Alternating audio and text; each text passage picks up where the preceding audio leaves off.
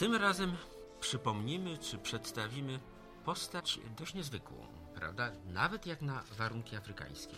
Cesarza, oficera, kanibala. Co do kanibalizmu naszego bohatera miałem wątpliwości, chociaż prowadzone, trudno powiedzieć śledztwo, ale prowadzone badania w tej mierze miały ponoć udowodnić, że bohater naszej opowieści trzymał odpowiednio pocięte i przygotowane do jedzenia zwłoki studentów z miejscowego uniwersytetu, ale wydaje mi się, że to nie jest prawda. Był niewątpliwie krwiożerczym despotą czy psychopatą, to myślę porozmawiamy na ten temat. Natomiast nie sądzę, żeby był kanibalem, chociaż głośny w Afryce i nie tylko w Afryce dowcip mówi, że ostatniego kanibala zjedzono wczoraj w samym środku Afryki. Wobec tego teraz już żadnych kanibali nie ma.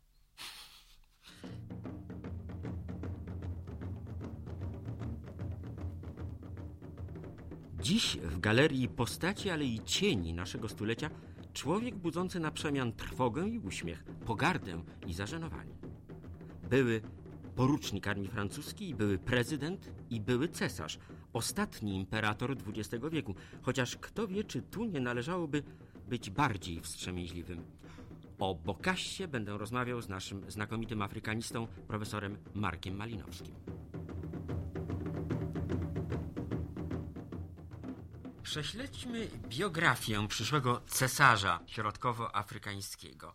Służył w armii francuskiej, prawda? I to przez wiele lat, od 1939 do 60 roku. Ba, otrzymał Legię Honorową, Krzyż Wojenny, czyli zasłużył się Francji. Francji się bardzo zasłużył, ale może najpierw powiedzmy, że znany jest jako Jean Bedel Bokassa. Powiedział pan na początku, że był cesarzem, dojdziemy do tego momentu, więc był Bokassą pierwszym. Ale oprócz tego, tak dla ścisłości, trzeba by dodać, że nazywał się również Salah Eddin Ahmed, ponieważ w pewnym momencie coś mu odbiło, że tak powiem, przeszedł na islam, no w związku z tym przyjął odpowiednie muzułmańskie imiona. Zresztą Salah Eddin Ahmed to jest taki, który jest ulubieńcem Allaha, prawda? Natomiast mówiąc poważnie, Bokassa urodził się 22 lutego 1921 roku w Bobangi, na terenie ówczesnej francuskiej Afryki Równikowej, w kraju zwanym Ubangi-Szary. Dzisiaj jest to Republika Środkoafrykańska. Jego rodzice byli biednymi rolnikami, a matka zmarła, gdy Bokassa miał 6 lat. Jego biografowie twierdzą, że ten okres pozostawił trwały ślad w psychice przyszłego cesarza, który po zdobyciu władzy no, demonstrował niepohamowaną po prostu rządzę posiadania dóbr materialnych.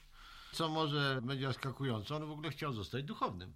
W związku z czym uczęszczał do szkół misyjnych francuskich. Natomiast jego plany zmieniła II wojna światowa, w czasie której służył w armii francuskiej i rzeczywiście wyróżnił się wielką odwagą i poświęceniem. Przy czym trzeba powiedzieć, że w służbie francuskiej pozostawał aż do 1960 roku. W 1958 roku był porusznikiem. Między innymi uczestniczył w wojnie w Wietnamie. I był zapalonym łowcą Wietnamczyków. Nawet mówił, że w imieniu Francji należy zabijać, no może nie pod ludzi kolorowych, ale taki jakiś element rasistowski to się pojawił, co jest o tyle ciekawe, że nie był białym, tylko był czarnym. Ale to jeszcze mowa o wojnie w Indochinach, tak? Tak, wojnie w Indochinach, kiedy Francuzi, którzy tam sprawowali władzę kolonialną, toczyli krwawą wojnę wietnamską. I właśnie w czasie tej wojny również Bokassa się bardzo zasłużył. Ale co jest może ważniejsze, ten okres spowodował, że stał on się zdecydowanym frankofilem. I nigdy nie ukrywał swojego stosunku do Francji, który miał taki charakter bardzo, powiedziałbym, uczuciowy. No jest taki skrajny przykład, który to pokazuje. Otóż kiedy umarł prezydent Francji Charles de Gaulle, na jego pogrzebie zgrupowani byli wszyscy przywódcy krajów frankofońskich, to w pewnym momencie, kiedy składano trumnę z ciałem prezydenta de Gaulle'a do ziemi, Bokassa, nie patrząc na zgromadzony tłum i wiszące na nim ordery, padł na ziemię, na trumnę, krzycząc papa, papa, zaczął łukać. Wielu dziennikarzy uważa, że to jest rodzaj przedstawienia. Ale ja myślę, że to było szczere, po prostu nie wyobrażał sobie funkcjonowania jako człowiek, jako przywódca bez pomocy Francji. Zresztą jak potem się okazało, jednym z jego najbliższych przyjaciół był nie tylko prezydent Francji de Gaulle, ale kolejny prezydent, który, Giscard. Valéry Giscard d'Estaing, który przyjeżdżał między innymi na safari. Na Republika Środkowoafrykańska oferuje znakomite warunki, jeśli chodzi o polowanie na lwy lamparty na Saroszce. Także frankofilskość Bokassy to nie była pozapolityczna, to było głębokie przywiązanie do Francji jako metropolii, do Francji jako siedziby władzy politycznej, tradycji, kultury i tak.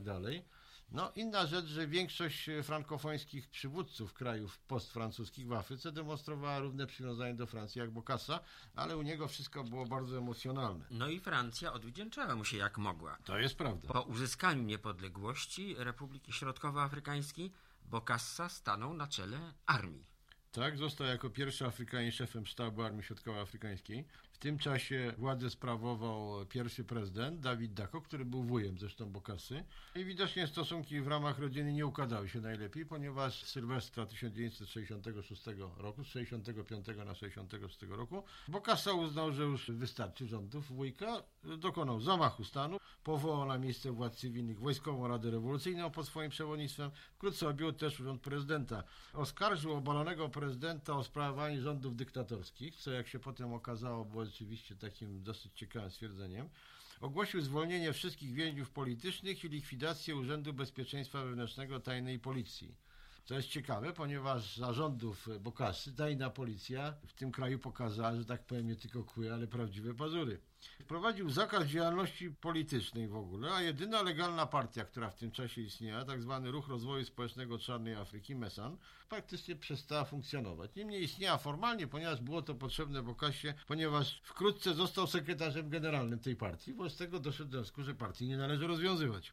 Przy czym jest tu też taka rzecz, o której może większość Państwa nie wie, że Bokassa, który był znany z no, nieprawdopodobnych ekstrawagancji, również i nie tylko politycznych, w pewnym momencie uznał, że członkami partii Mesan są wszyscy mieszkańcy Republiki Środkowoafrykańskiej bez względu na wiek, a więc hmm. również niemowlęta. To zostało oficjalnie ogłoszone, został ustanowiony światowy rekord, nie do pobicia chyba, w sensie proporcjonalnym. Tak więc wszyscy mieszkańcy Republiki Środkowoafrykańskiej zostali przyjęci do partii, z tym, że pewnie dwie trzecie z nich w ogóle nie miało o tym zielonego pojęcia, a partia była tylko instrumentem w rękach władzy. Ale tutaj warto zwrócić uwagę, że nadal trwała osobista przyjaźń z prezydentem Francji Valerym Giscardem d'Estaing. Czyli jak gdyby Francuzi przymykali oczy na ekstrawagancję swojego człowieka w tym kraju. Tak, sądzę, że to wynikało z jakichś takich trzech podstawowych przesłanek. Przesłanka pierwsza, że byli pewni, że w tym zmieniającym się układzie politycznym w Afryce na takie oczeka jak Bokassa absolutnie mogą liczyć. Drugi wzgląd był bardziej praktyczny, ale też nie do pogardzenia. Otóż Republika Środkowoafrykańska jest to kraj, który ma jedne z największych na świecie złóż diamentów, które są oczywiście eksploatowane, były, są i pewnie będą jeszcze przez firmy francuskie, państwowe i prywatne. Również na terenie Republiki Środkowoafrykańskiej, co jest rzeczą nie do pogardzenia, znajdują się pokłady uranu. A poza tym kraj ten dostarcza niezwykle cennych gatunków drewna tropikalnego, a wszystkie firmy, że tak powiem, działające dopóki Bokassa nie przejął kraju jako swój folwark, znajdowały się w rękach Francuzów. Te przyczyny chyba sprawiły, że i ze względów politycznych, i ekonomicznych, i powiedziałem psychologicznych, rzeczywiście kolejni prezydenci, i Georges Pompidou, i Valéry Giscard d'Estaing, no, przymykali oko na brewerię Bokassy, który zresztą od początku zaczął zaskakiwać rozmaitymi posunięciami. W 1967 roku otrzymał stopień generała. Objął stanowisko sekretarza generalnego istniejącej na papierze, ale skupiającej wszystkich członków społeczeństwa partii. Wkrótce uznał, że ta funkcja jest niewystarczająca dla niego, więc ogłosił się dożywotnim przewodniczącym partii. W 1974 roku został awansowany do stopnia pierwszego marszałka w historii kraju, a potem mianował się dożywotnim prezydentem republiki. Z tym, że tym wszystkim awansom nie towarzyszyła polityka, która miała wcielać w życie to, co Bokassa powiedział, obalając swojego wujka, że nastąpi ogólnonarodowa sanacja, której program nie został nigdy bliżej sprecyzowany. Podjął wprawdzie pewne wysiłki, ażeby uporządkować finanse, zlikwidować korupcję, skonfiskował dobra polityków cywilnych nabytych jako łapówki, a potem się okazało, że większość tych dóbr przyjęła jego liczna rodzina na własność.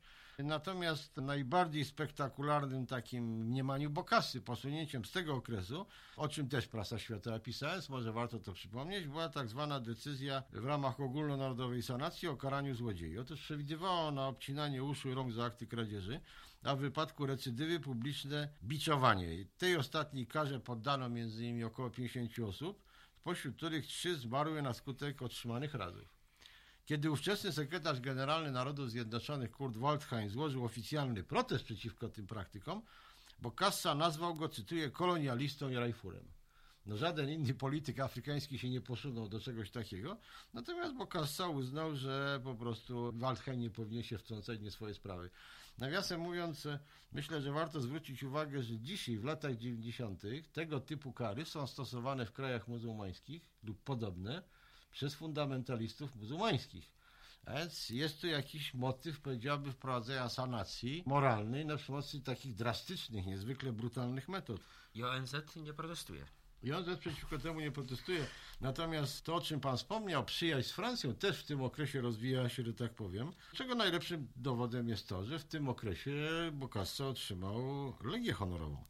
Tak, zbliża się grudzień 1977 roku i Bokassa ogłasza się, o czym pan już wspomniał, pierwszym, no nie wiem czy pierwszym w dziejach Afryki cesarzem. Nie, pierwszym nie, ponieważ cesarzy było wielu, poza tym w tym Słusznie, czasie... chociażby Etiopia. Tak, już w tym czasie już nie było cesarza Haile Selassiego, niedawno przedtem było Balon, natomiast kiedy Bokassa doszedł do wniosku, że najbardziej właściwym ustrojem dla rządzonego przez niego kraju jest monarchia, to rzeczywiście ogłosił 4 grudnia 1976 roku powstanie Cesarstwa Środkowoafrykańskiego. Rok później koronował się na cesarza, przyjmując tytuł Bokassy I, dynastię musi być.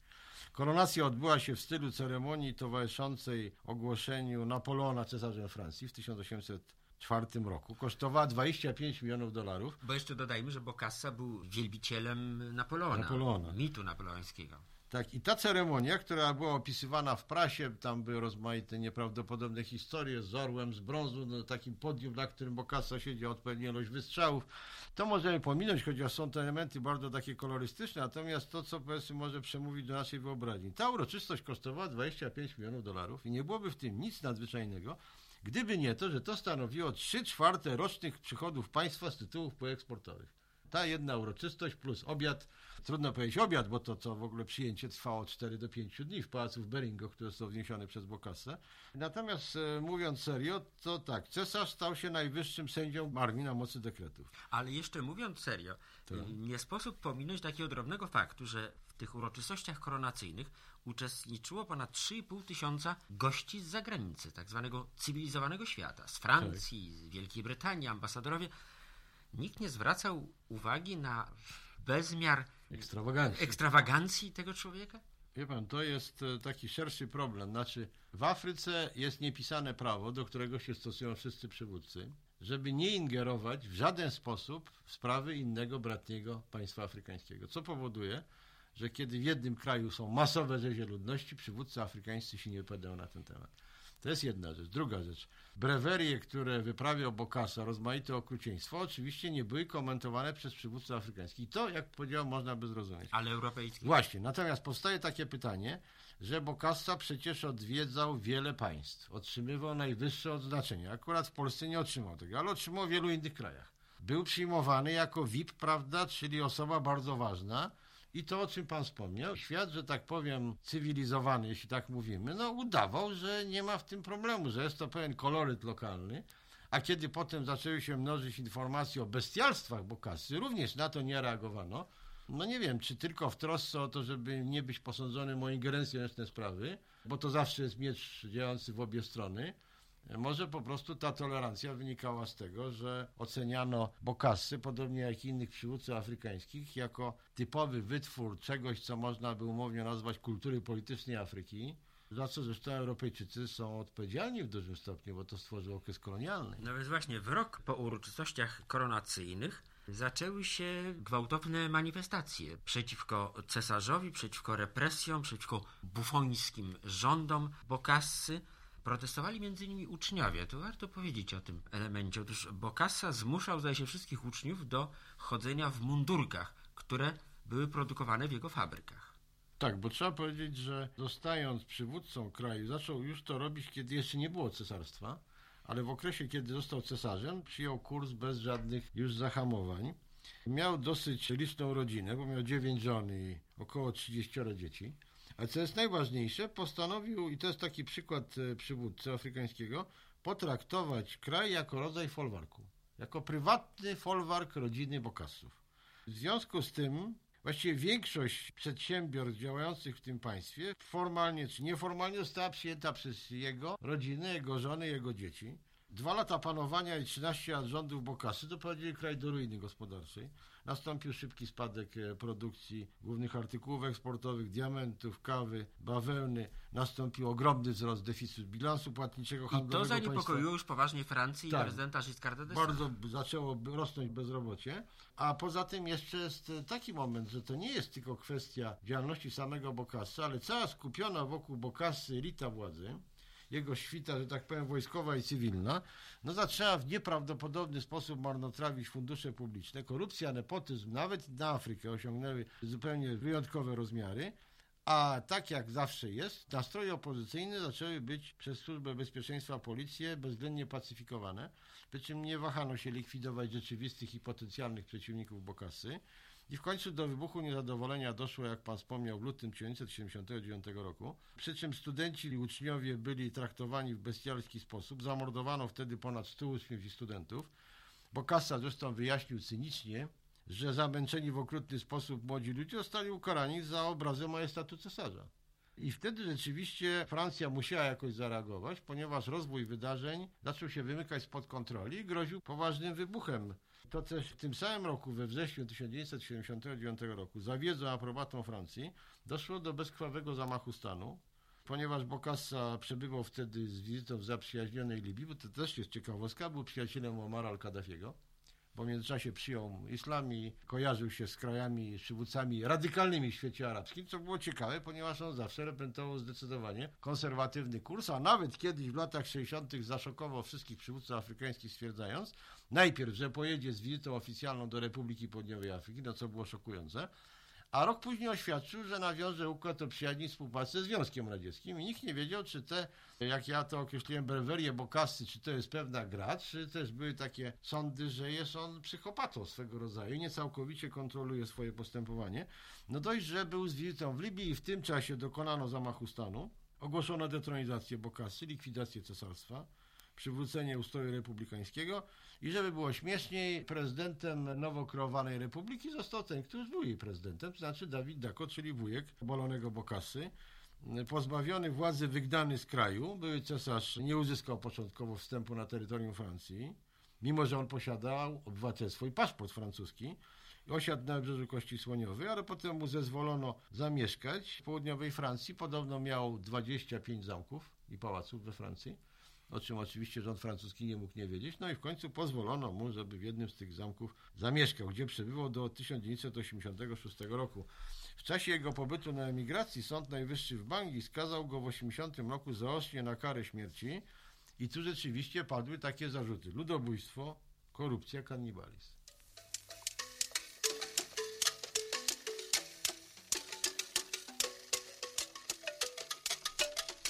Listopadzie 1986 roku Bokassa dokonał nowego, niespodziewanego posunięcia, mianowicie wylądował na lotnisku w Bangui, oświadczając, że oczekiwał tego od niego naród, w związku z czym został aresztowany, uwięziony przez władze, które wytoczyły mu proces sądowy. W trakcie tego procesu, trzeba powiedzieć, to też jest taka malownicza rzecz, Bokassa się zachował niezwykle butnie, odrzucając kategorycznie wszystkie wysunięte pod adresem jego oskarżenia, udzielał pouczeń prawnych kompletowi sędziowskiemu, a do przewodniczącego często zwracał się per drogi chłopcze. Mimo, że byli mniej więcej w jednym wieku. Poza tym, co jest najważniejsze, zagroził sądowi, że jeżeli zostanie uznany winnym zarzucanych mu czynów, w kraju może dojść do wybuchu krwawej wojny domowej, co nie było stwierdzeniem bez pokrycia, ponieważ grupy plemienne, z których Bokassa się wywodził, mieszkające w północnej części kraju, mogły zaatakować stolicę. No mimo tego Sąd Najwyższy w Bangui ogłosił w czerwcu 1987 roku skazanie Bokassy na karę śmierci. I tutaj muszę powiedzieć, Bokassa złożył odwołanie i wyrok nigdy nie został wykonany, ponieważ następca Dawida Dako, który w międzyczasie obalił wujka Bokassy, generał Andrzej Kolingba, który do dnia dzisiejszego sprawuje władzę, no obawiał się, że wykonanie wyroku może spowodować wojnę domową. W ten sposób Bokassa przez prawie 10 lat przebywał w areszcie domowym, co jakiś czas odgrażając się, że przejmie władzę i że naród tego od niego oczekuje, czego oczywiście nie brano poważnie. Natomiast trzeba powiedzieć, że generał André Kolingba bardzo poważnie obawiał się, że stwierdzenia Bokassy nie są, że tak powiem, całkowicie bez pokrycia i nie podjął nigdy decyzji o realizacji wyroku sądowego.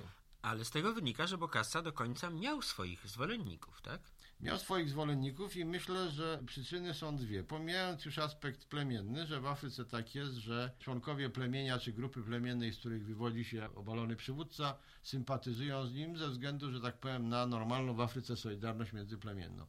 I druga rzecz, w okresie rządów Bokasy większość społeczeństwa była ciemiężona jak tłum niewolników, no było jednak parę procent ludzi, którzy korzystali na tym. To byli członkowie elity władzy. Większość tych ludzi z tej części społeczeństwa utraciła beneficje i przywileje. Gdyby Bokassa powrócił do władzy, liczyli oni, że odzyskają dawne pozycje. Następny moment. Sytuacja w kraju jest bardzo skomplikowana, ponieważ jest wielu pretendentów do walki. Istnieją organizacje opozycyjne. Kilka razy dochodziło do próby obalenia generała Kolingby. Jest sytuacja bardzo chwiejna.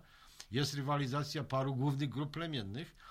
Poza tym, wprawdzie zarządów Bokasy nastąpiła ruinacja gospodarcza kraju. Generał Konigba częściowo to odbudował, natomiast nie chciałem być cyniczny, ale w czasach, kiedy była to kolonia francuska, większości ludzi żyło tam się lepiej. Mimo bogactw, które posiada Republika Środkowoafrykańska, jest wysoki poziom bezrobocia, liczne zaburzenia społeczne, poważny wzrost przestępczości. To wszystko są elementy powodujące pewną popularność haseł, że kiedy Bokassa był przywódcą, kiedy był prezydentem, a potem cesarzem, no nie to, że wszystko grało, że tak powiem, jak w zegarku, ale w kraju był porządek, stabilizacja i był jeden człowiek, który decydował o wszystkim. Jeśli uwzględnimy, proszę Państwa, że tradycyjny model afrykański, który się rozpada oczywiście, ale który jest zakodowany głęboko w genach większości Afrykanów, to jest to, że przywódca jest to król, jest to pomazanie z Boga. Władza nie może być kolegialna. Większość społeczeństw afrykańskich nie jest przygotowana do demokracji w stylu europejskim, to wszystko powoduje, że nawet człowiek, który dokonywał takich rzeczy jak Bokassa, zupełnie inaczej był przyjmowany w społeczeństwach afrykańskich i w większości państw afrykańskich niż jest to odbierane na terenie europejskim. Na terenie europejskim przedstawiono go jako krwiożerczego despotę, traktującego społeczeństwo jako tłum niewolników, kraj jako folwark, nie liczącego się z żadnymi normami moralnymi. Natomiast z perspektywy afrykańskiej to wyglądało tak, że przywódca oczywiście przekroczył pewne granice dopuszczalne, dlatego społeczeństwo się przeciwko niemu zbuntowało. Można powiedzieć, że śmierć stu studentów, czy kilkuset, czy paru tysięcy ludzi zabitych przez tajną policję polityczną zarządów Bokasy to jest w ogóle nic wobec tego, co obserwujemy w innych krajach. Przykład Zair, Rwanda, Burundi, masowe rzezie tysięcy czy prawie miliona ludzi. I wreszcie jeszcze jedna rzecz, że ekstrawagancje Bokasy były odbierane jako rodzaj pewnego folkloru afrykańskiego, jako coś, co mieści się w obyczajowości afrykańskiej.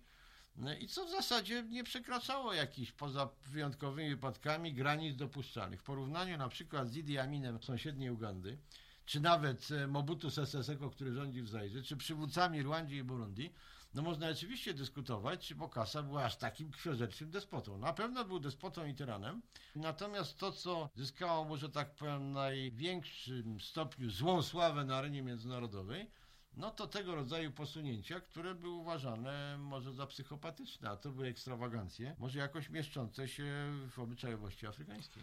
Przypomnijmy, Bokassa zmarł w tym roku, kilka tygodni temu. Jak została przyjęta ta śmierć w jego kraju, w Republice Środkowoafrykańskiej? No oczywiście nie zrobiono żadnego państwowego pogrzebu z wielką pompą, to zrozumiałe. Chociażby obawiając się, żeby nie przybyli wojownicy plemienia Mbaka z północy, którzy byli krajanami Bokasy. Natomiast społeczeństwo Republiki Środkowoafrykańskiej po latach upadku, zastoju, wojen jest w stanie głębokiej apatii co sprawia, że walki na górze i śmierć nawet takiego przywódcy jak Bokassa właściwie jest przyjmowana bez większej reakcji. Zresztą można powiedzieć, że to po prostu sprawa ich nie dotyczy, to między pomazańcami toczą się walki, pomazańcy wzajemnie się obalają, wyżynają. Jeśli represje wobec społeczeństwa nie są zbyt wielkie, to większość ludzi przyjmuje to obojętnie. I to chyba jest jeden z paradoksów tak, sytuacji my... Afryki po 30 paru latach niepodległości. A my możemy się pokusić o taką refleksję końcową, że wysoką cenę płaci Afryka, jej niepodległe państwa, właśnie za ową niepodległość i suwerenność we współczesnym świecie. Taką ceną w jakimś sensie były też ekstrawagancje, nazwijmy to tak, cesarza Bokassy I, prawda? Wydaje się zresztą, że to może jest stosunkowo niewielka cena za to, o czym przed chwilą była mowa.